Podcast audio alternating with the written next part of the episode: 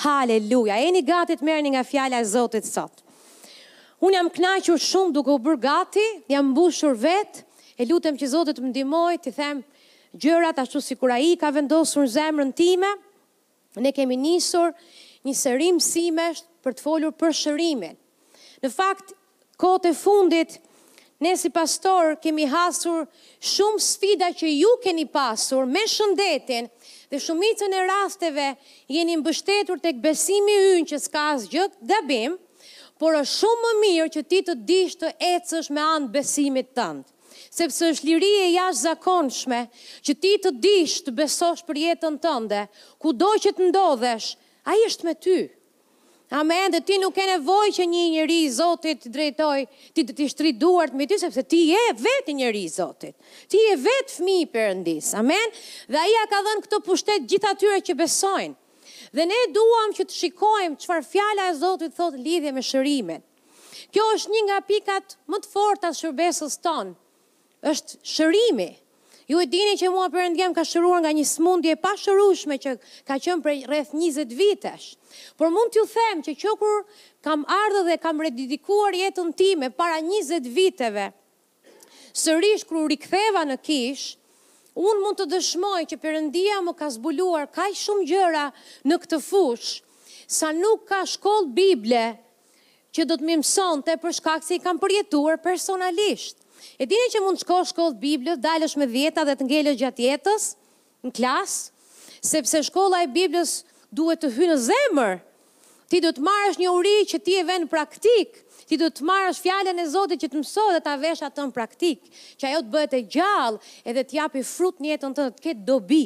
Dhe fjala e Zotit bën dobi kur ne e bashkojmë me besim. Amen. Haleluja. Fjala e Zotit tonë është e mrekullueshme.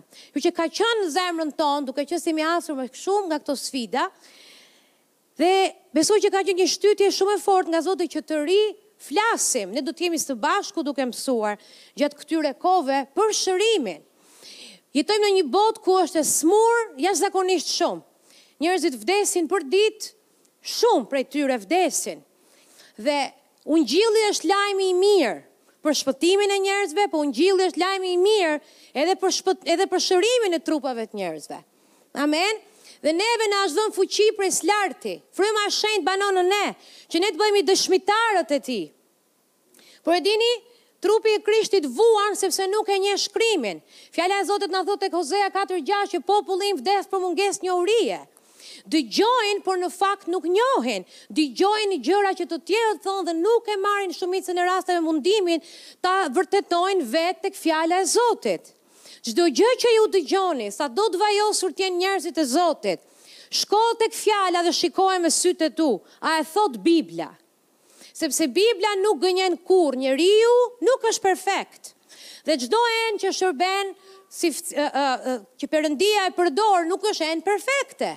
Dhe do të ke ka dobësi, do të do, nuk do t'i thotë të gjitha në mënyrë të përkryer. Kështu që ajo që nuk dështon kurrë është ti ta shikosh me sytë e tu, çfarë Bibla thot, për gjithfarëlloj rastesh në jetën tënde.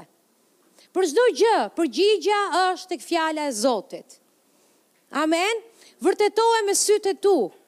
Shikohe mos e merrni çdo gjë e merrni karremin e hani pa e kaluar fare tek testi, tek fjala e Zotit. Amen. Sepse, pse një gjë tingullon si frymore, nuk do të thot patjetër që është e vërtetë. E vërteta e Fjalës së Zotit është absolute dhe ti do ta njohësh atë për jetën tënde që ajo të t'jap ty dobi në çdo fushë të jetës. Amen. Kështu që do të flasim dhe unë lutem shumë. Jam lutur me gjithë zemër që gjërat që do të them sot t'ju ndihmojnë. Kam kam qenë duke studiuar dhe jam përpjekur të gjej kush janë dyert e hapura që ne Si besimtarë lëmë, si t'i mbyllim në mënyrë që të funksionojë njëqind për qind gjatë gjithë kohës besimi ynë. Edhe herën e kaluar, neve, unë ju përmenda shumë gjëra që ne do të jemi duke mësuar të dy bashkë. I hodha aty, si le të themi, si një karamele që t'ju hapet oreksi, që të keni mundësi të dëgjoni dhe mos t'i humbisni në, në ditët në vijim që kemi. Fola se Kush është arsyeja pse pse sëmundja ka ardhur këtu? Dhe arsyeja pse sëmundja ka ardhur është për shkak të mëkatit. Në momentin që Adami rebeloi kundër Perëndisë dhe nuk iu bind Perëndisë, mallkimi hyri. Dhe vdekja hyri, paga e mëkatit është vdekja, thotë te Romakët, gjashtë njëzet e tre. Dhe Dhe dhuntia e Perëndisë është jeta e përjetshme, me anë të Jezus Krishtit, Birit të Tij. Por, hyri vdekja në momentin që Adami rebeloi. Hyri vdekja dhe bashkë me të, sëmundja. Sëmundja është vetëm një vdekje e limituar, domethënë, ti smuresh dhe ajo mund, njerëzit vdesin përditë, për shkak të sëmundjeve. Ajo pjesë e trupit që ty të dhemb nuk është e plotë, sepse është ndikuar nga vdekja dhe Perëndia na ka bërë të lirë me anë të Jezus Krishtit. Ai e mori mallkimin, Ai e mori sëmundjen, Ai mori çdo gjë në drurin e kryqit. Dhe folëm se problemi i sëmundjes ka ardhur për shkak të mëkatit, këtë e kemi shumë të qartë, e kemi të qartë që mëkati e ka sjellë këtu. Sëmundjen. Sëmundja është vetëm për pasojë të mëkatit dhe e falenderojmë Adamin për këtë, që na na e bëri këtë dhuratë kaq të mrekullueshme, por jemi kaq mirënjohës Zotit Jezus që na ka bërë të lirë sepse mori gjithë mallkimin mbi vete, që ne të jetojmë të lirë dhe të plotë. Folëm gjithashtu se kush janë zonat që ne mund të sëmuremi. Dhe ne thamë që ne jemi tre pjesë, ne jemi frymë, në momentin që rilindemi, fryma jonë rilind. Jezusi vjen brenda nesh, fryma e Zotit vjen në ne dhe ne bëhemi një me të. Dhe thamë mund të sëmuremi në frymë, mund të sëmuremi në në shpirt që është mendja, vullneti, emocionet tona dhe mund të sëmuremi në trup.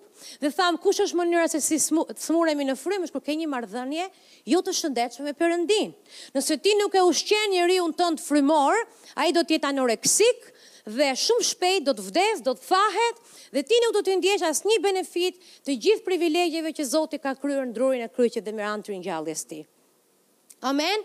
Thamë gjithashtu që nëse kjo pjesë është e sëmurë, që është marrëdhënia jonë me Zotin, çdo pjesë tjetër e jona do të çalojë, sepse fryma jonë supozohet të sundojë mbi shpirtin tonë dhe mbi trupin tonë. Amen. Sepse ne duhet t'i marrim sinjale nga fryma e Zotit, dhe fryma e Zotit i merr nga fjala. Amen. Dhe kur kjo pjesë e trupit vuan, sepse ti nuk ke një marrëdhënie të shëndetshme me Perëndinë, ne do të vuajmë emocionalisht, ne do të jemi të frustruar, ne nuk do të dimë si të lutemi dhe do të vuajë pasojat gjithashtu edhe trupi. Amen. Por ka njerëz gjithashtu thamë që sëmuren vetëm në, në, në pjesën e shpirtit. Sa njerëz kemi sot në depresion? Sa njerëz kemi sot të copëtuar emocionalisht? Janë mbushur, do me thënë, psikologët me pacientë në 10 vitet e fundit në mënyrë të frikshme dhe drastike. Pse? Se në fakt nuk e kuptojnë që arsyeja pse njerëzit janë në depresion është sepse kanë nevojë për shpëtim, kanë nevojë për Jezusin. Asgjë nuk mund të jetë e shëndetshme pa Zotin. Nëse ai nuk është pjesë e jetës tonë, çdo gjë do të çalojë.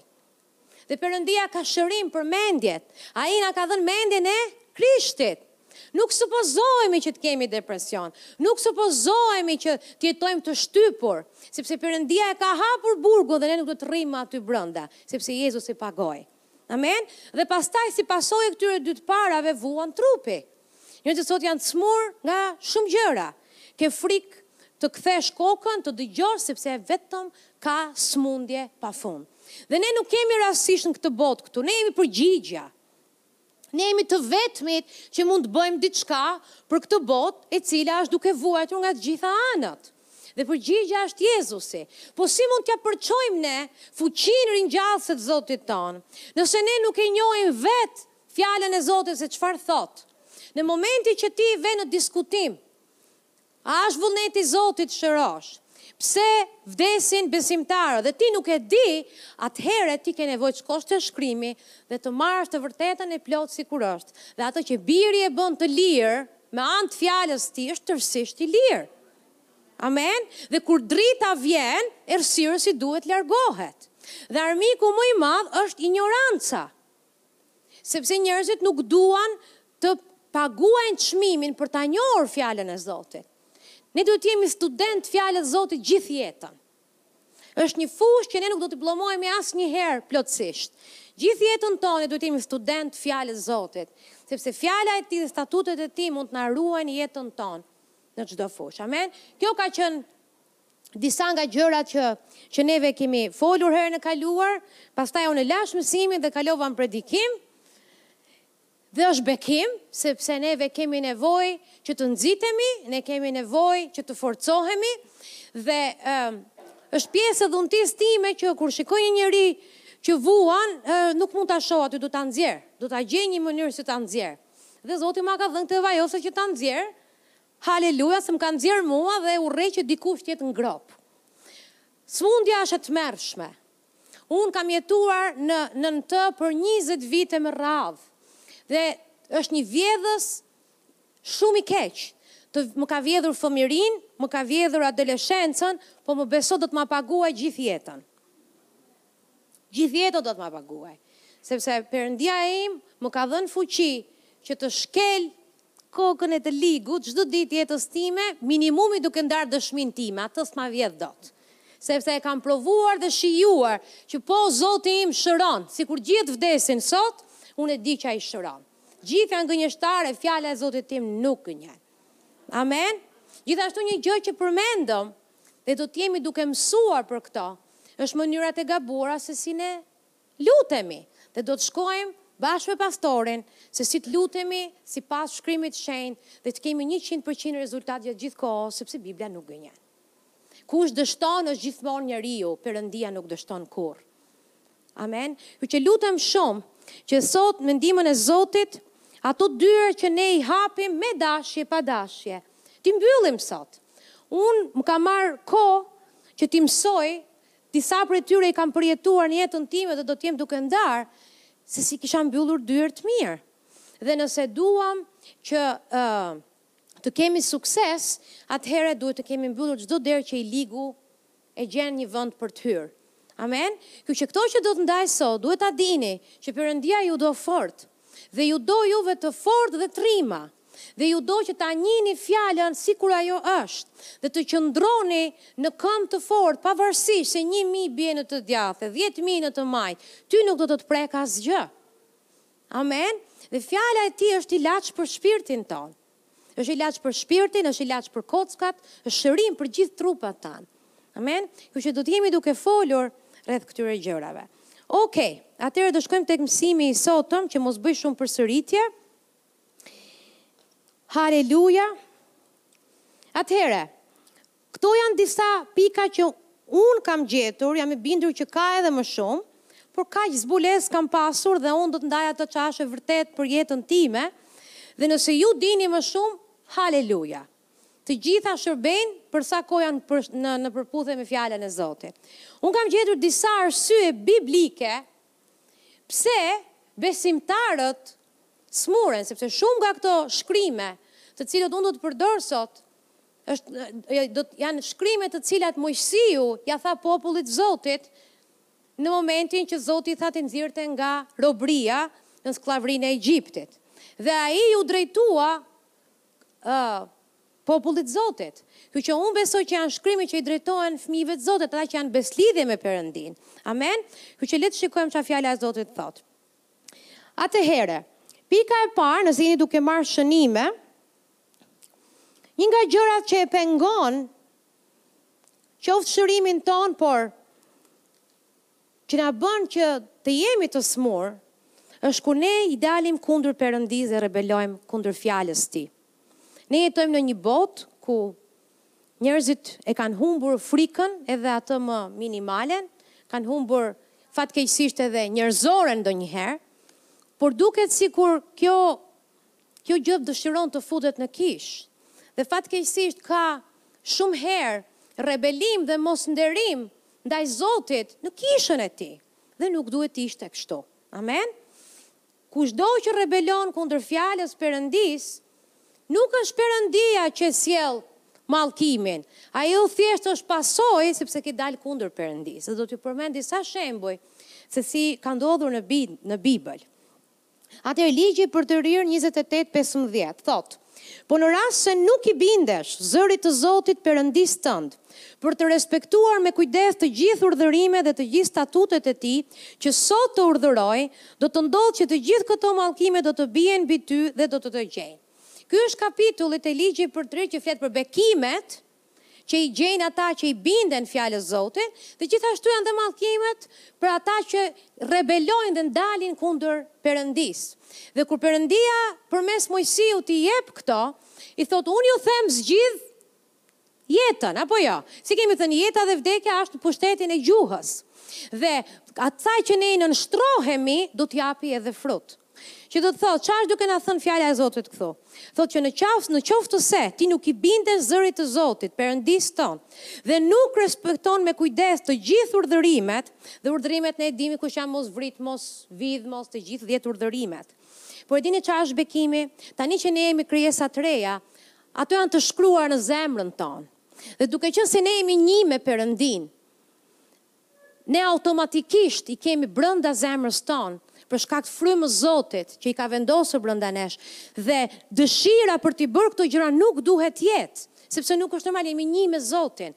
Dëshira jonë në fakt është për të jetuar në shenjtëri, për ta dashtë dhe për ta nderuar Zotin, sepse kur ti rilindesh dhe e do Zotin me gjithë zemër, ti automatikisht do ta nderosh atë me gjithçka që ke. Amen. Dhe Zoti është pas atyre zemrave, të cilat e kërkojnë atë me gjithë shpirt.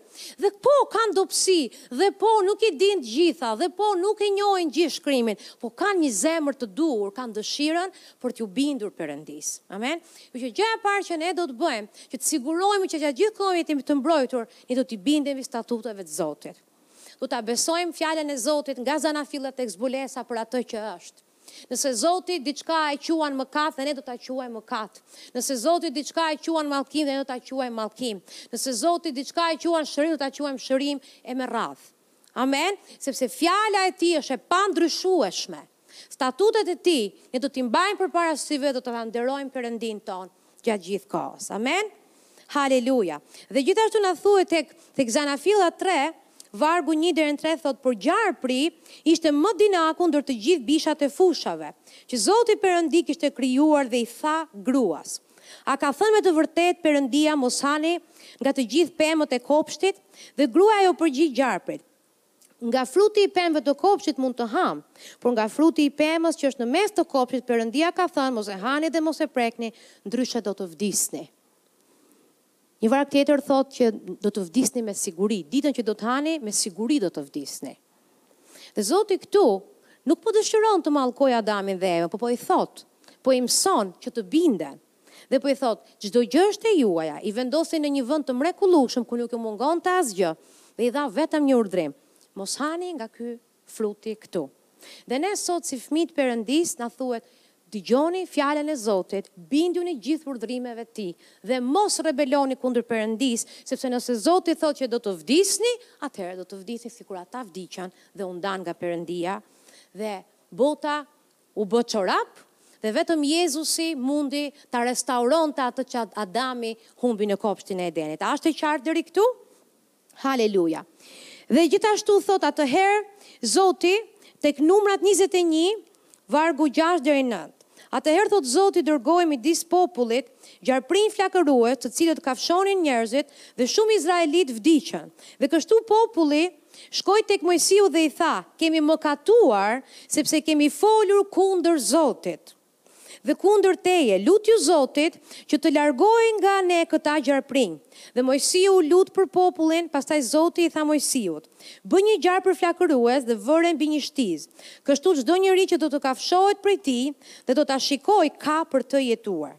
Moisiu pra bëri atëherë një gjarpër prej bronzi dhe e vuri mbi një shtizë, dhe ndodhi që kur një gjarpër kafshonte dikë në rast se ky shikonte gjarprin prej bronzi, ai vazhdonte të jetonte.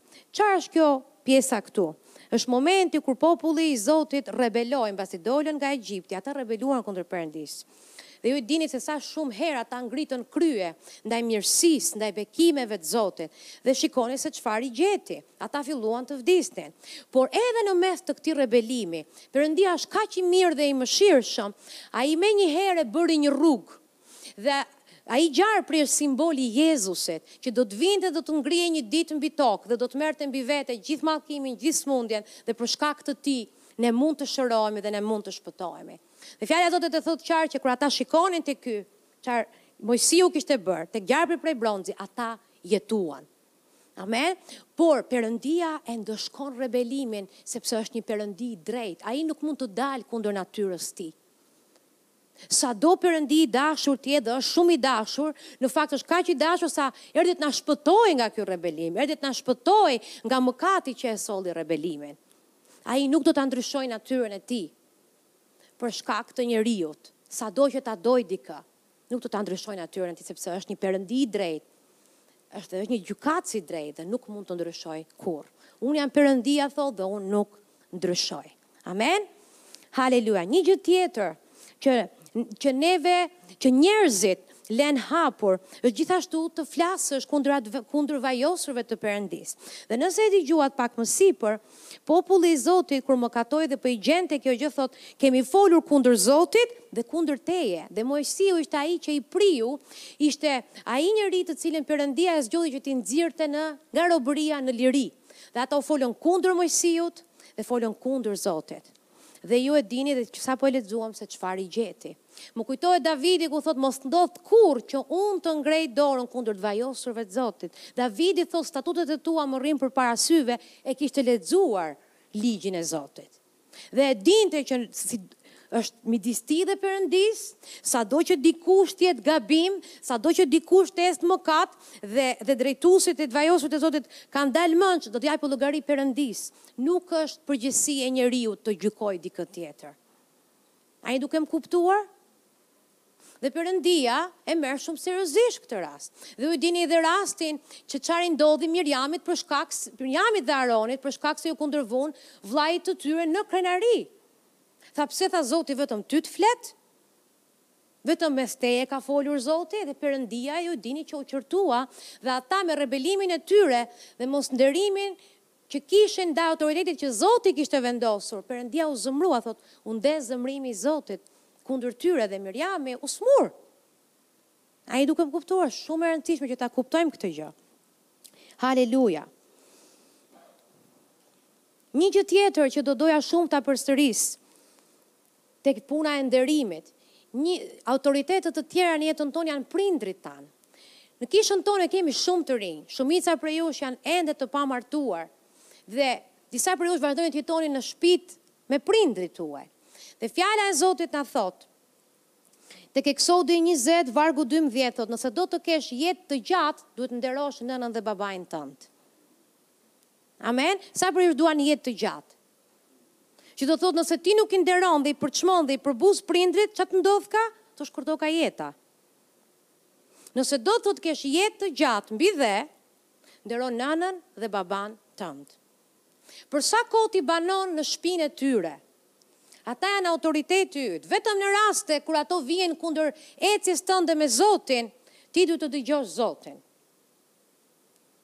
Por ata janë autoritet mbi ty deri sa të dorëzojnë n'altar. Tani po je burrë i madh dhe gocë e madhe dhe ke kohë që jeton vetëm, këshillat e tyre duhet të jenë shumë të rëndësishme, duhet të zenë një vend të rëndësishëm n'jetën tënde.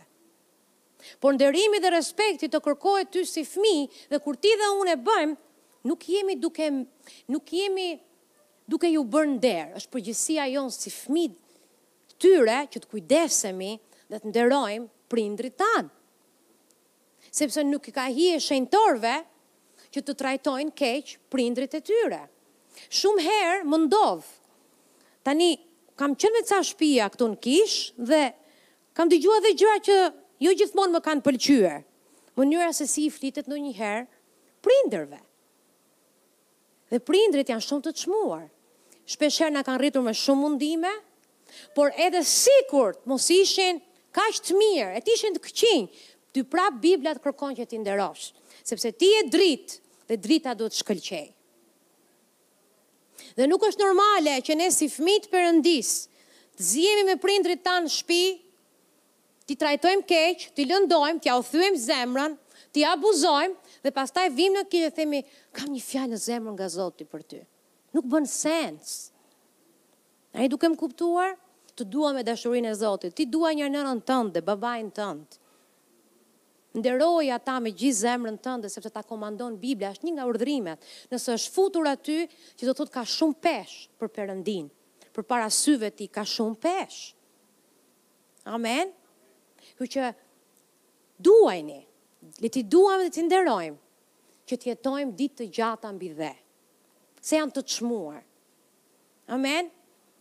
Më dhem zemra kur shikoj nëna dhe baballar të braktisur, të lënë sot në botën që jetojmë të keqtrajtuar. Dëgjojmë histori që djali vrau nënën, mamaja mbyti E tmerrshme.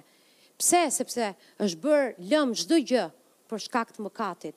Por ne jemi drita e vetme. Dhe le të jemi një një një shembull i mrekullueshëm për njëri tjetrin. Edhe kurrë mos t'ia thyejmë zemrën prindërve tanë, e t'i nderojmë me gjithë zemër. Amen. Haleluja. Do nderojmë prindërit tanë apo jo? T'ua kënaqim zemrën, sepse na kanë rritur me shumë, me shumë, me shumë mundime.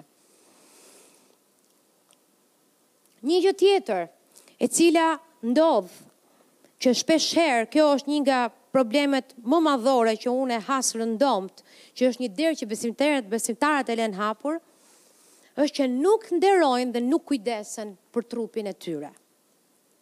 Unë jam një nga ato njerëz të cilët këtë pikën këtu e kam shkelur jashtëzakonisht shumë. Dhe do t'ju tregojë, do marrë kohë dhe do t'ju tregojë, por fjala e Zotit na thotë te një e Korintasve, thotë, a nuk e dini se jeni tempulli i Perëndisë dhe se fryma e Perëndisë banon në ju? Në qoftë se dikush e prish tempullin e Perëndisë, Perëndia, e Perëndisë, tempulli i Perëndisë, i cili, më falni, e kam bërë vargun gabim. Një sekondë, mos u mërzisni. Një e Korintasve tre, gjashtëmbëdhjetë, shtatëmbëdhjetë. E kam shkruar, por si duket e kam shkruar gabim. Kjo që më mirë po shkoj te Bibla. 3 Ok. Po. A nuk e dini se jeni tempulli i Perëndisë dhe se fryma e Perëndisë banon në ju? Në qoftë se dikush e prish tempullin e Perëndisë, Perëndia do ta prishë atë, sepse tempulli i Perëndisë i cili jeni ju është i shenjtë. Amen. Vargu tjetër na thot prapë te Korintasit 6 19 dhe 20 thot, a nuk e dini se trupi juaj është tempull i Frymës Shenjtë që është në ju në cilin e keni marrë nga Perëndia dhe se nuk i përkisni vetvetes. Përsërisni bashkë me mua, unë nuk i përkas vetvetes. Kemi nevojë për një zbulesë këtu, sepse shumica prej nesh sillen sikur të jemi pronarë trupit tonë dhe ne nuk jemi pronarë trupit tonë. Ne e kemi hequr të drejtën e pronësisë në momentin që i thamë po Jezusit. Ne i përkasim totalisht Perëndisë tonë dhe nuk jemi aspak të vetes tonë. Nëse ti nuk respekton disa ligje që Perëndia i ka dhënë, ti do të kesh pasoja dhe sëmundja do të të preki ty. Nëse ti del mes ftohtit zhveshur, gjeje çfarë do ftofesh, nuk është sens logjik, domethënë kaq mend duhet t'i kemi. Ti do ftofesh. Nëse ti nuk fle gjumë edhe rri me net të tëra, zgjuar, e zgjuar, e zgjuar dhe nuk e le trupin tënd kurrë të pushojë, gjeje çfarë, motori që ti ke, do të digjet dhe do ta lesh këtë jetë përpara kohe pa e përfunduar garën të cilën Perëndia e ka vendos përpara teje. Dhe jo për faj të Perëndisë, po për faj sepse ti nuk i ke nderuar ca ligje të thjeshta që Zoti i ka vendosur. Nëse ti han pisllëqe dhe nuk kujdesesh asnjëherë për ça fut në trupin tënd, sepse e harron që nuk i përket vetes dhe duhet të hash Në me nderim!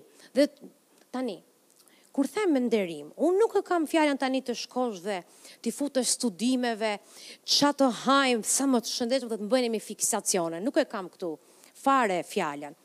Por për sa ju përket ju çdo ditë të kujdeseni që disa gjëra minimale t'i bëni dhe ta ushqeni trupin dhe ta pushoni trupin në mënyrë që ta nderoni që mos t'ju lëshojë rrugës.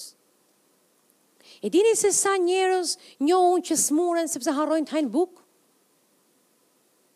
Harrojnë të hajnë bukë, hajnë rrugëve, hajnë gjithfarë lloj gjërash dhe pastaj e gjejnë veten të smur dhe në fakt nuk është sulm nga i ligu, po ti e ke sulmu veten me durët e tua, sepse nuk je kujdesur për ta.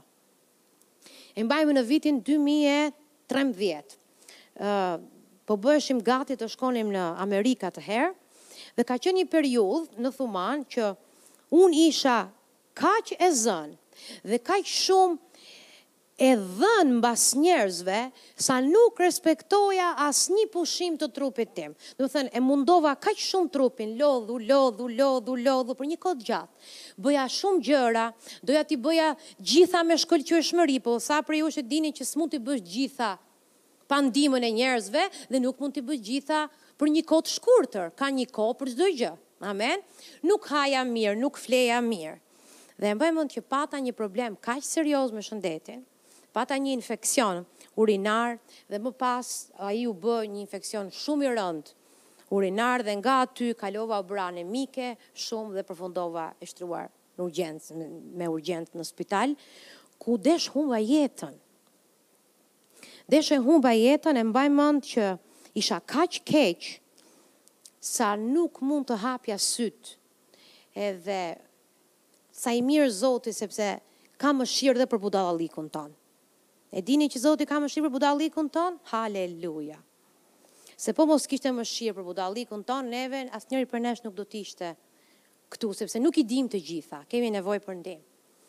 Dhe e mbaj mend që Aq keq sa isha, mbaj mend që teksa i hapja sytë shumë pak se as nuk i hapja dot tamam. Pastorin e kisha te krevati dhe nuk është larguar për dhjetë ditë ka ndejt natë ditë aty, kur doli ishte bërë mjekra si Ertogruli. Dhe vazhdimisht fliste fjalën e Zotit pa fund. Ma fliste fjalën e Zotit dhe e dëgjoja ashtu e përhumbur siç isha në në efektin e e ilaçeve, e dëgjoja që fliste sepse U ndjeva sikur dështova, u ndjeva sikur e zhgënjeva Perëndinë. Dhe kur ti kalon gjëra të tilla dhe thua po a nuk isha unë duke bërë vullnetin e Zotit, a nuk isha unë në qendër të vullnetit të Zotit dhe njerëzit e tij po kujdesesha. Po, po nuk kisha marrë zbulesë që ka vdek tashmë një shpëtimtar për botën. Unë s'kisha nevojë të isha e dyta. Më kuptoni? Dhe është një fjalë magjike në gjuhën shqipe që dhe ajo është jo. Jo! Nuk do ta bëj! Jo! Po flisja një ditë me një motër nga kisha, ajo e ka sfidë të thotë jo. I thashë dil para pasqyre dhe thuaj jo, nuk du! Dil veç praktikohu, s'du! S'do ta bëj! Unë nuk do ta bëj! Thuj jo! Bravo Elis! Sepse është shumë e rëndësishme, është një fjalë shumë e mirë të thuash jo dhe të dish limitet e tua. Dhe Zoti në mirësinë e tij më nxori që aty. Më nxori që aty u shërova plotësisht dhe dola përpara kishës dhe i thash Kish, Jehova Rafa shëron 100% të kohës. Dhe sikur të gjithë vdesin, ai vazhdon të jetë shërues. Dhe kush dështon është njeriu, e Perëndia kurrë. Amen. Dhe nëse mendoni që kam bërë ndonjë gjë të mirë këtë herë ia kam futur kot, kam gabuar këtu, këtu, këtu, mos bëni si unë. Kështu që po ju inkurajoj, mos bëni si unë. Pushoni njerëz, hani bukë, flini gjumë, sepse është shumë e rëndësishme nëse duam ta vrapojmë garën deri në fund. Po dëgjoja për një ungjilltar shumë të vajosur të Zotit. Steven Jeffrey, Jeffries a diçka e tillë, po, Steven Jeffries, ungjilltar në Afrikë, plot me Frymën e Shenjtë, domethënë shenja dhe mrekulli nga të gjitha anët, sepse Zoti ishte me të. Por, por e nuk e kishte pushuar kurrë trupin dhe përfundon në spital. Dhe kur doktori e viziton, i thot, unë nuk gjej asnjë problem shëndetësor tek ky por e ka çdo gjë kaq shumë të konsumuar sa ai ka harxhuar çdo rezervë që kishte dhe na duhet ta varrosim. Sepse ky njeri tha nuk ka pushu kurr. Dhe dini shabati është bekim që është dhënë, jo që të pushoj Zoti, po që të pushojmë ne. Kur Zoti tha respekto të shtunën, Edhe thotë shko në kishë, mbushu me fjalën e Zotit, mos bëj punë atë ditë, dëgjo veç rri me Zotin, pusho, flej gjumë, shif nanjë film, por nderojeni një ditë pushim sepse trupi ynë ka nevojë për pushim sepse nuk mund t'i mbajë, është i vdekshëm. Dhe nëse nuk e merrni me anë të mësimit, do ta merrni me zbulesë, edhe dashtë Zoti keni kohë me u kthy mbrapsht se nganjëherë s'ke kohë as me u kthy mbrapsht. Dhe burri i Zotit, i vajosur i Zotit, e la garën mes, sepse nuk pushoi kurrë. Shabati është bekim nga Perëndia, le ta nderojmë atë. Fjala e Zotit thotë që për gjashtë ditë ai bëri qiellin, bëri tokën, bëri kafshët, i bëri të gjitha, bëri njeriun dhe pastaj thotë ditën e shtatë Zoti pushoi. Po nuk pushoi se Zoti lodhet, se Bibla thotë që Perëndia e qiellit dhe tokës nuk lodhet, nuk mundohet. Që do të thotë e paska dhënë këtë ligj për ty dhe mua, sepse jemi të vdekshëm dhe kemi nevojë të nderojmë trupin tonë, sepse na lëshon. Amen? Dhe unë e thashë që unë kam dështuar vetë këtu shumë herë, dhe mbaj mend veten sa herë më fal edhe këtë herë, të lutem më fal edhe këtë herë, do përpiqem që të, të bëj ndryshime. Kam bërë ndryshime, pastor? Kam bërë pastor mos ja fut kot. Për shembull, natën e lutjes e kam çuar deri në orën 11. Mbas 11 i çoj në gjumë. Haleluja, Zoti ynë është kaq i mirë. Haleluja. Një pikë tjetër që unë besoj që është një nga pikat më të rëndësishme është frika. Sa prej jush e dini që frika është e kundërta e besimit. Fjala e Zotit na thotë që besimi vjen nga dëgjimi dhe dëgjimi vjen nga fjala e Perëndisë. Mirëpo edhe frika vjen nga dëgjimi i raporteve të gabuara. Nëse ti e ul veten tënde përpara ekranit, radios, librave të gabuar, shoqërisë të gabuar, të cilët flasin gjatë gjithë kohës frikë, shqetësim, vdekje, sëmundje, dështim, gjeje me çfarë do të mbushet jeta jote. Dhe Bibla na ka dhënë një urdhër që është shumë i rëndësishëm dhe thotë ruaje zemrën tënde me shumë kujdes. sepse nga ajo dalin burimet e jetës dhe dhe goja do të flasë nga mbushëllia e zemrës dhe nëse ti e ke mbushur me frikë dhe me shqetësim atëherë gjeje çfarë do të flasësh ti ti do të flasësh frikë edhe shqetësim dhe uh, mbaj mend shumë herë ndër vite njerëz të cilët i kam pas nderuar dhe vazhdoj t'i nderoj por i kam pas nderuar shumë për atë ça Zoti bënte përmes tyre në fillimet e e besimit në Shqipëri. Kanë qenë liderë të fortë në në në në në fushën e shërimeve, shenjave dhe mrekullive. Dhe më më ka rastisur vite më vonë, për shkak se nuk është ruajtur zemra me shumë kujdes, për shkak se kanë hasur dështime nëpër shërbesat e tyre, për shkak se ka ndodhur që besimtarët smuren e të vdesin, e kanë ulur mburojën, Dhe e kanë përqafuar si të mirëqenë që Zoti bëka dhe kështu. Zoti nuk bën edhe kështu. Perëndia im është i mirë dhe mirësia e tij zgjat përjetë. Ai është dritë dhe në të nuk ka kurrfarë errësire. Ai quhet Jehova Rafa njëqind për qind dhe jo pesëdhjetë dhe as gjashtëdhjetë dhe nuk është me hënë. Është një Perëndi i cili e ka manifestuar vullnetin e tij në drurin e kryqit me anë të Birit të tij dhe me ringjalljen e tij. Dhe më trishtohej zemra kur uleshim me miq dhe ti dëshiron që të ulesh me njerëz të cilët të bekojnë, të të inkurajojnë dhe kanë vite në besim më shumë se sa ti. Unë isha e vogël dhe doja të dëgjoja gjëra të mira. Ata flisnin për smundjen, flisnin sikur t'ishte një gjë normale e jetës dhe është normale e jetës për ata që janë atje jashtë, për po jo për ne. Për ne nuk është normale. Ata flasin për smundjen sikur e kemi kushëri të parë. Dhe flisnin për smundjen, dhe flisnin për të gjitha problemet që njerëzit kalojnë, dhe se sa ata do se sa doktorë kanë shkuar e kanë bërë e kanë nuk kam gjë me doktorët, i dua i nderoj, sinqerisht janë bekim se na shpëtojnë jetën kur s'i kemi mendtë në kokë siç duhet, lavdi Zotit na nxjerrin që aty. Por ka një rrugë më të lartë. Dhe rruga më e lartë është pa efekte anësore. Dhe rruga më e lartë është Jezusi, i cili tashmë e ka kryer çdo gjë. Në fakt, ti duhet ta rinovosh mendjen tënde në atë pikë, sa ta dish dhe ta dish që ti nuk smuresh, ti i reziston smundjes sepse ti je një krijesë e re. A më kuptoni? Dhe shpesh herë tho jam smur dhe po besoj për shërim. Jo! Ti je duke u tunduar, smundja po troket në derën tënde që të zërë vënd, po ti rezistoji. Amen? Sepse nuk është e ligjshme që në një tokë të blerë me gjakun e çmuar të Jezusit që je ti edhe unë, nuk është e ligjshme që i ligu të vijë aty dhe të bëjë si zot shpie. Por ai bën si zot shpie kur ne nuk i njohim të drejtat dhe privilegjet që kemi. Dhe ku e lëshojmë ne? Me të folurën. Me ça dëgjojmë, me ça shohim. E mbushim, e mbushim veten tonë me frikë dhe me shqetësime gjatë gjithë kohës.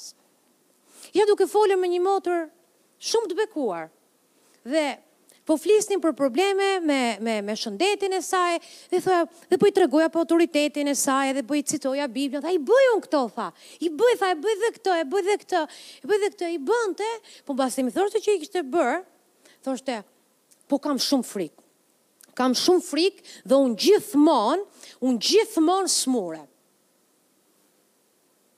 Tani e ngjizim me besim në lutje dhe pa dalë nga dera nëse rrethanat nuk kanë ndryshuar, e abortojmë me të njëjtën gojë që e ngjizëm me besim.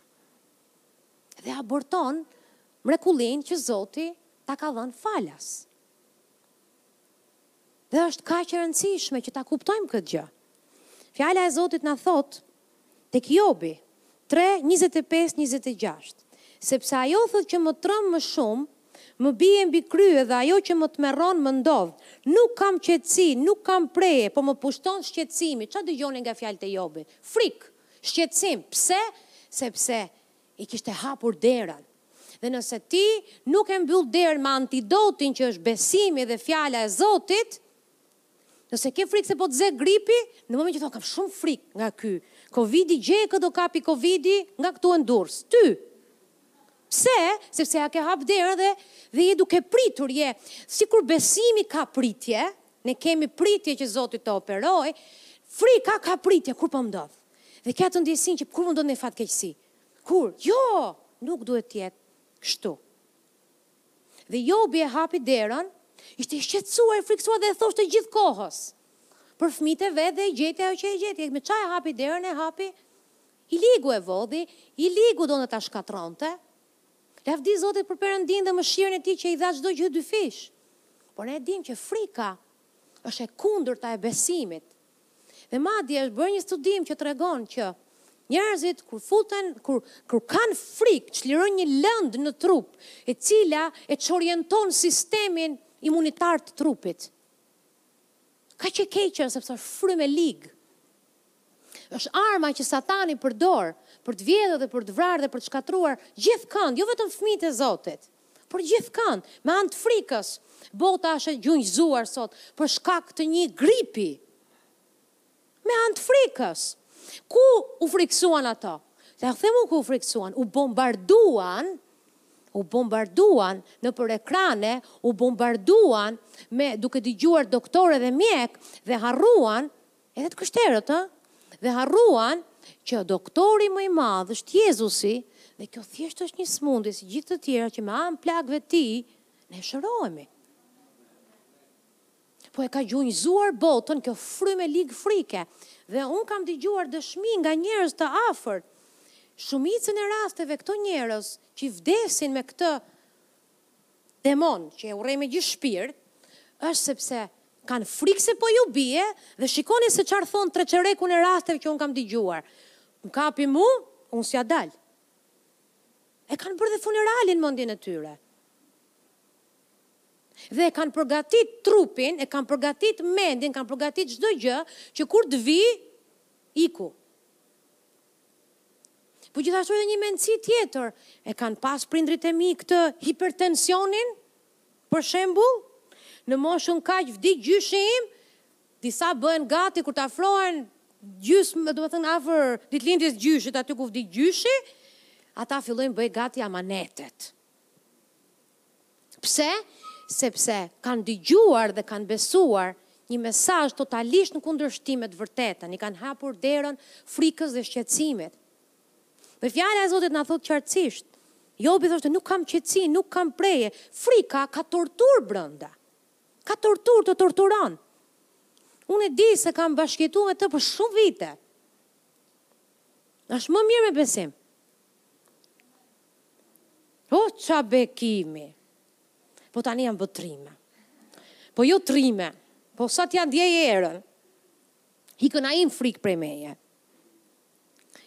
Sepse është një prangë që shumica e besimtarve e trajtojnë si normale, dhe çdo gjë që ti e trajton si normale dhe pjesë të jetës, ajo të ka, të zotëron. A më kuptoni se e trajtoni frikën? Kam frikë se po më ndodh kjo. Kam frikë se jam e shqetësuar, jam e shqetësuar se s'gjej punë. Jam e shqetësuar te kjo puna. Jam e shqetësuar se do ngelem pa burrë, jam e shqetësuar se do ngelem pa gru, jam e shqetësuar se do s'kam lekë deri në fund të muajit. Dhe kështu ne bëjmë gati të ardhmen tonë, me gojën tonë e vulosim dhe pastaj themi ku ishe ti o Zot? Ishte aty ku thotë, Mos ki frikë, sepse unë jam me ty. Mos e humb, sepse unë jam Perëndia yt. Unë, thotë, të forcoj dhe njëkohësisht të ndihmoj, të mbaj në dorën e djathtë të drejtësisë time.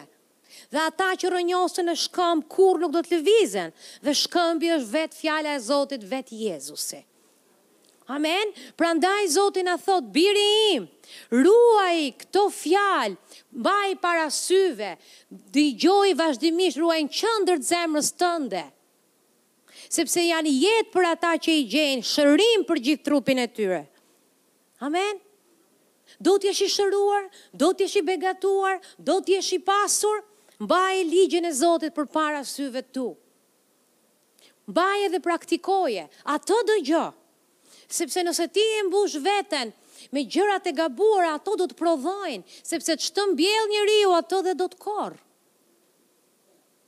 Atë dhe do të korrë. Është shumë e trishtë. Është shumë e trishtë që besimtarët nuk e njohin fjalën e Perëndisë dhe nuk e dinë se sa e rëndësishme është ato gjëra që ne i themi dhe i bëjmë. Vijnë këtu përpara, ne lutemi për shërim, u shëruan, sepse Zoti është shërues, ai do që ne të jemi gjithë mirë. Sa dalin aty, siptoma e parë më keq se kur ishin. Pse? Sepse nuk qëndrojnë vazhdimisht duke dëgjuar Fjalën e Zotit, duke e mbajtur përpara syve të tyre, e ta ruajnë zemrën me shumë kujdes. Amen? Mbaj mend vite përpara, ëh, dikush që e dua shumë, po kalonte disa sfida në në martesë.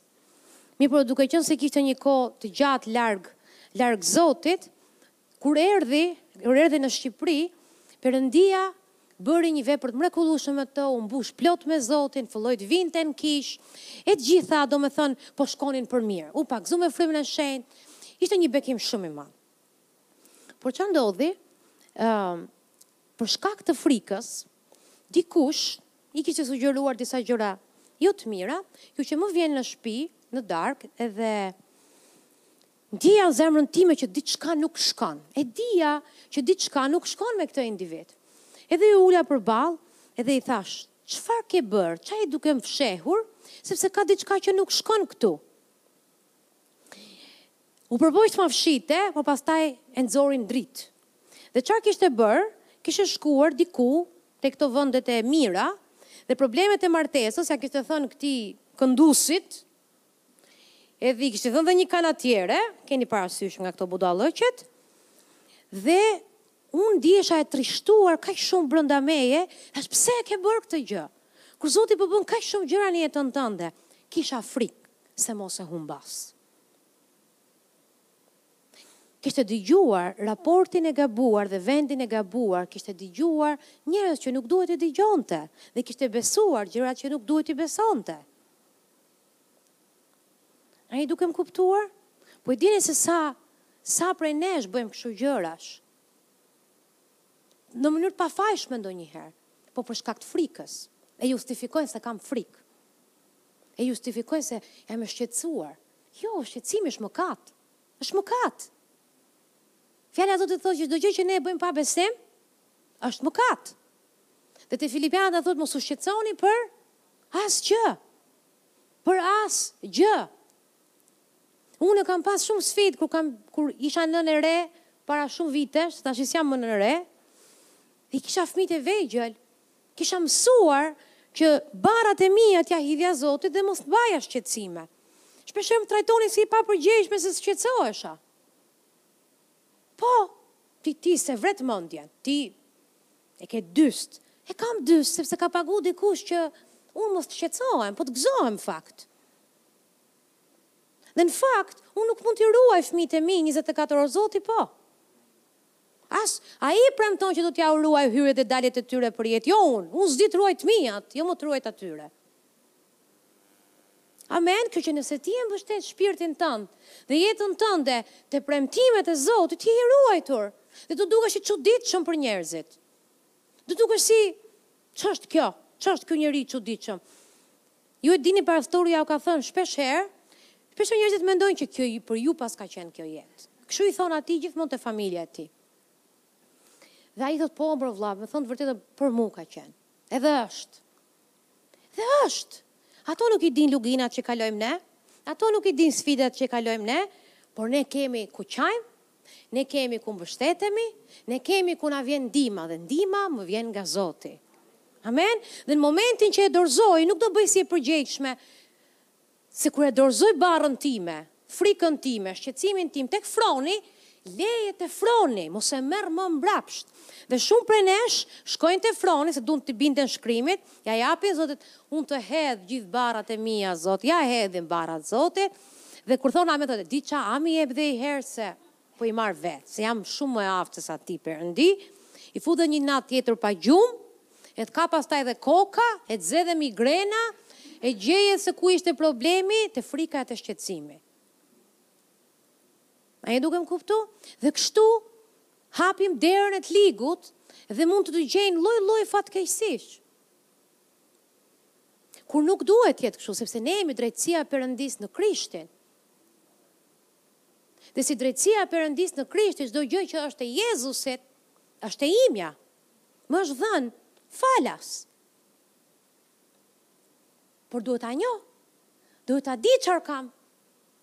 A mundet im bir nesër të trashëgojë të gjitha gjërat që unë dhe babai i tyre kemi, nëse unë nuk jua nëse ato nuk vijnë dhe të marrin të dinë çdo gjë që është e tyre që ta vënë në përdorim, apo jo? A i hyn dikujt shpia ime në në punë dhe t'ia lë trashëgimi po s'u përdor? Jo. Jo që Zoti dëshiron që ti të njohësh Të drejtat dhe privilegjet që Ai të ka dhënë, me anë të Jezusit, dhe shërimi është një prej tyre. Dhe këto dyer në jetën tonë duhet të mbyllen, sepse i lejnë shkas të ligut të vijë të vjedhë, të vrasë dhe të shkatërrojë. Dhe në fillim vjen me gjëra të vogla të cilat ty të duken të pakonsiderueshme. Fillojmë dhe tolerojmë Një gjë një frikë këtu, një shqetësim aty, një rebelim këtu, një mosnderim këtu.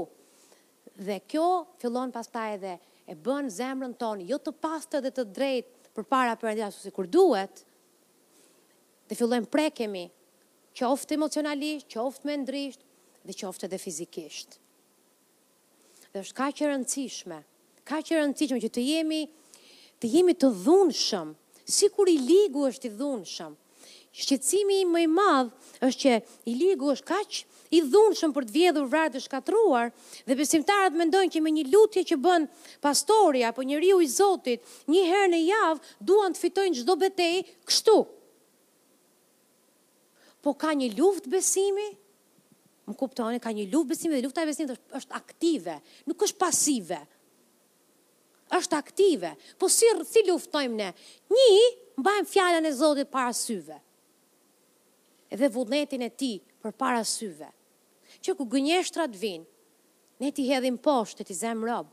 Tjetra, lavdërojmë e adhurojmë Perëndinë. Mbushemi plot me të. Zmadhojmë Zotin dhe zvogëlojmë problemet. Kjo është mënyra se si ne luftojmë me anë të besimit. Qëndrojmë, nuk e konsiderojmë trupin tonë, por konsiderojmë atë çfarë Bibla thotë. Nëse Abrahami i trashëgoi premtimet e Zotit, i trashëgoi sepse nuk e konsideroi trupin e tij të bërë tashmë si i vdekur. Tek Romakët 3. Ai e konsideroi besnik atë i cili premtoi. Besimi nuk është i vështirë, motra dhe vëllezër. Është të besosh që kjo Bibla, çfarë do lloj gjëje që thotë e ka me vërtet. Është kaq e thjeshtë. E komplikojmë ne. E komplikojmë ne. Është e thjeshtë. Nëse Bibla thotë që ti do të ngopesh me jetë të gjatë dhe ai do të më tregojë shpëtimin e tij, amen. E besoj, unë vazhdoj jetën. Po është shumë e thjeshtë me të vërtet. Nëse Bibla thotë që ti nuk do të kesh frikë nga tmerri i natës, as nga murtaja që endet në terr, edhe i përmend gjithë ato gjërat e tjera, dhe përmend gjëra shumë të mëdha, përmend kuçedra, përmend luan të vogël, i përmend shumë gjëra, që simbolizojnë pushtetet e errësirës, që kur ngrihen jetës, jet, kundër jetës tënde dhe duan të të bëjnë copash, dhe mos të të ngelet ty as nami, as nishani. Dhe nëse ti mbështetesh tek Zoti, ato as nuk do të të afrohen ty. Sepse ti e konsideron Zotin besnik. Dhe prandaj ne quhemi bij të Abrahamit, sepse do të besojmë sikur Abrahami. Bibla thotë që ai besoi që Perëndia është i aftë të bëjë gjithçka që ka thënë. Ça të ka thënë Zoti ty? Ça është një premtim që Zoti ty të ka bërë? Sa herë që unë kam pasur sfida me fëmijët e mi, po tani po më kujtohet sfida që kam kalu me, me prindrit e mi, me shëndetin e tyre. Perëndia më ka dhënë një premtim para shumë vitesh. Dhe atë premtimin për prindrit e mi, unë e mbaj përpara syve sa që ato janë të sfiduar. Edhe them, Zot, unë nuk du të di si duket. Unë di që këtë ma the ti, ti nuk gënjen, këtu qëndroj, këtu besoj, amen. Dhe Perëndia pastaj bën pjesën tjetër. Sepse ai nuk gënjen, ai nuk është njeri që të gënjejë. Dhe as pendohet për premtimet që t'i ka dhënë ty. Gjej, ça të ka thënë Zoti, kush janë gjërat që ai të ka thënë? Shërimi është trashëgimia jote. Por përpara se të besosh në shërimin hyjnor, bëj një marrëveshje me veten tënde. Një, do ta mbyllësh gojën tënde Totalisht, nëse nuk ke bes, nëse nuk e ke, nuk e ke mbushur zemrën plot me Fjalën e Zotit. Mos fol! Nëse nuk mund të flasësh besim, mos fol hiç. E mbaj mend kur isha shtatzanë me binjakët dhe aty nga mesnata, Fatmirin e Silvën, ë, më plasën ujërat. Po ishte muaji i tetë. Ishte shumë e rrezikshme. Me gjithë gjërat që unë kisha kaluar, me gjithë peripecitë që unë kisha kaluar, ajo ishte një shenjë, uh, Zot i madh! Çfarë nuk kishim dëgjuar ne dhe kemi qenë gjatë gjithë kohës duke i mbajtur sytë te premtimet që Zoti na kishin dhënë për fëmijët tanë. Dhe atë natë, me thënë të vërtetën, kur pashë se çfarë më ndodhi, u trëmba, po të trëmbesh dhe të ndjesh që frika po të tundon, s'do me thënë që ti e ke. U trëmba dhe i thashë burrit tim, se e dija që isha isha emocionalisht e e e prekur dhe i thashë, unë e qepa, fol ti dhe unë bi dakord me ty. Unë do mbështetem tani tek besimi yt. Ti fol, po unë nuk do flas negativisht.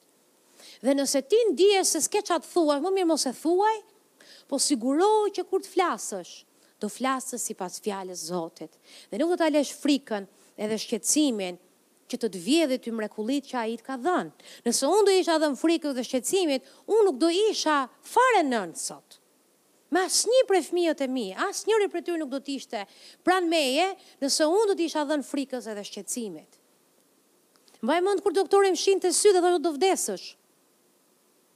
Mbaj mend kur thoshte që jo do vdesësh ti, po do vdesin kalamajt, macja, qeni, të gjithë. Dhe unë mund të bëja siç bëjnë shumica e të krishterëve, të panikojnë, më kupton, të venë kujën dhe të gjejnë doktorët më të mirë. Por unë e di, që i vetmi doktor që mund të bënte diçka ishte bariu im i mirë. Amen, e konsiderova besnik. Kur unë ngela shtatzënë, ishte sepse Perëndia më kishte premtuar dhe unë e dija që ai ishte i aftë që ta mbante fjalën e tij deri në fund. Dhe i linda, dhe mbas saj kisha prap sfida, nuk mbaruan aty. Po nuk i hoqëm sytë nga premtimet e Zotit. Besimi është i thjeshtë. të besosh që atë që ai thotë e ka seriozisht. E ka seriozisht, nuk gënjen. Asnjëra prej atyre fjalëve nuk do të bjerë poshtë. Çfarëdo lloj gjëje që të ka premtuar, Perëndia do ta kryejë për jetën tënde nëse ti beson. Çdo gjë është e mundur për ne dhe shërimi është dhuratë nga Perëndia. Ne do të mbyllim çdo derë. Ai do t'i bjerë derës gjithmonë, por ne do t'ia gjithmonë do t'ia japim mbrapsht me Fjalën e Zotit. E do t'i mbajmë sytë te kreu dhe plotësonjësi i besimit tonë. Çfarëdo lloj sfide që ti të kesh, nëse ti tundohesh në gjëra të vogla, në dhimbje të vogla, ti nuk do të mundesh të mposhtësh gjigantë të mëdhenj pa u marrë njëherë me të vegjlit. Besimi është sikur muskuli i cili duhet patjetër që ta stërvisësh. Kur ti je e sfiduar me gjëra të vogla mos shko me vrap te paracetamoli, te antigripi, tek gjërat që njerëzit zakonisht bëjnë. Nuk kam gjë kundër tyre, ju lutem bëjeni se nuk duam që të na bëheni për spital, por, por lëreni Zotin që t'ju skalisë, lëreni Zotin dhe mbusheni zemrën plot me fjalën e besimit në mënyrë që t'i, t'i, t'i luftoni vetë betejat. Sepse ato beteja që ti nuk i lufton dhe nuk i fiton tani nuk do t'i fitosh as nesër.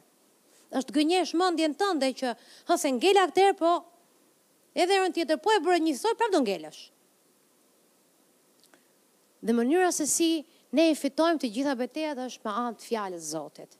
Amen. Nuk dua t'ju lodh më shumë. Sot do ta lem këtu dhe do të jemi duke fol, do jemi duke folur për pika të tjera ditën e shtunë, por inkurajimi që unë kam për ju Në Zotin, ju lutem me gjithë shpirt, kaloni kohë me Fjalën e Zotit seriozisht. Konsiderojeni si bukën pa të cilën ju nuk mund të jetoni. Çfarëdo lloj gjëje që je duke kaluar tani, Pavarësisht, qoftë ajo shëndetësore, qoftë mendore, qoftë familjare, Bibla e ka përgjigjen. Njeriu nuk ka asnjë përgjigje për ty, por Fjala e Zotit e ka të gjithë përgjigjen që ty të duhet. Po inkurajoja dikë, ë, një motër, edhe po thoshte, po unë po pres që Zoti të më flasë dhe ta dëgjoj zërin e tij.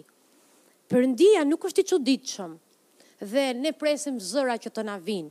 Ai flet këtu. Ai flet këtu. Ai flet përmes shkrimit të shenjtë. Dhe ti nuk mund ta dëgjosh zërin e bariut tënd qartësisht kur ne themi që Zoti më foli, i flet dikujt që e di ça karakteri ka Zoti. Pa e ditë ça karakteri ka Zoti dhe pa e njohë Zotin, si mund të të flasi? Dhe pastaj futen nëpër konfuzione, sepse duan që t'u flasë Zoti dhe presin për zëra. Momentin që pret për zëra, kush di ç'zëra dëgjon, e bëhet çorap, e nuk merr vesh kush është bariu, e kush është dhiu, e kush është delja, e kush është ujku, të bëhen çorap zërat. Por në qoftë se ti e njeh fjalën, do ta njohësh bariun e mirë këtu. Dhe kur bariu të flasi, ti do ta ndjekësh. do të jetë shumë e lehtë që ta ndjekësh. Amen. Kështu që mos u shqetësoni për përgjigjet që keni nevojë. Në jetën tuaj të përditshme, teksa ju kaloni kohë me Zotin, përgjigja do të vijë nga këtu. Çfarëdo lloj sfide? Përgjigja do të vijë nga këtu. Dhe lëre Zotin të jetë Zot, mos i kërko Zotit të jetë Zot sipas mënyrës tënde, po ji ti fëmijë sipas zemrës tij.